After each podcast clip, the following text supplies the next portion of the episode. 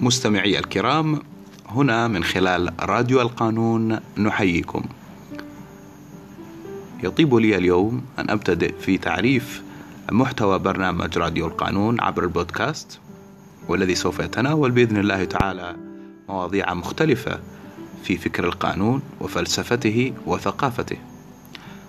راديو القانون وبودكاست موجه للمستمع العربي بشكل عام والمستمع العماني والخليجي بشكل أخص أملنا هنا أن نكون قادرين على إثراء معرفتكم الشريفة في علم القانون وأن نحوز على رضاكم في هذا الأثير البودكاستي. خالص التحيات.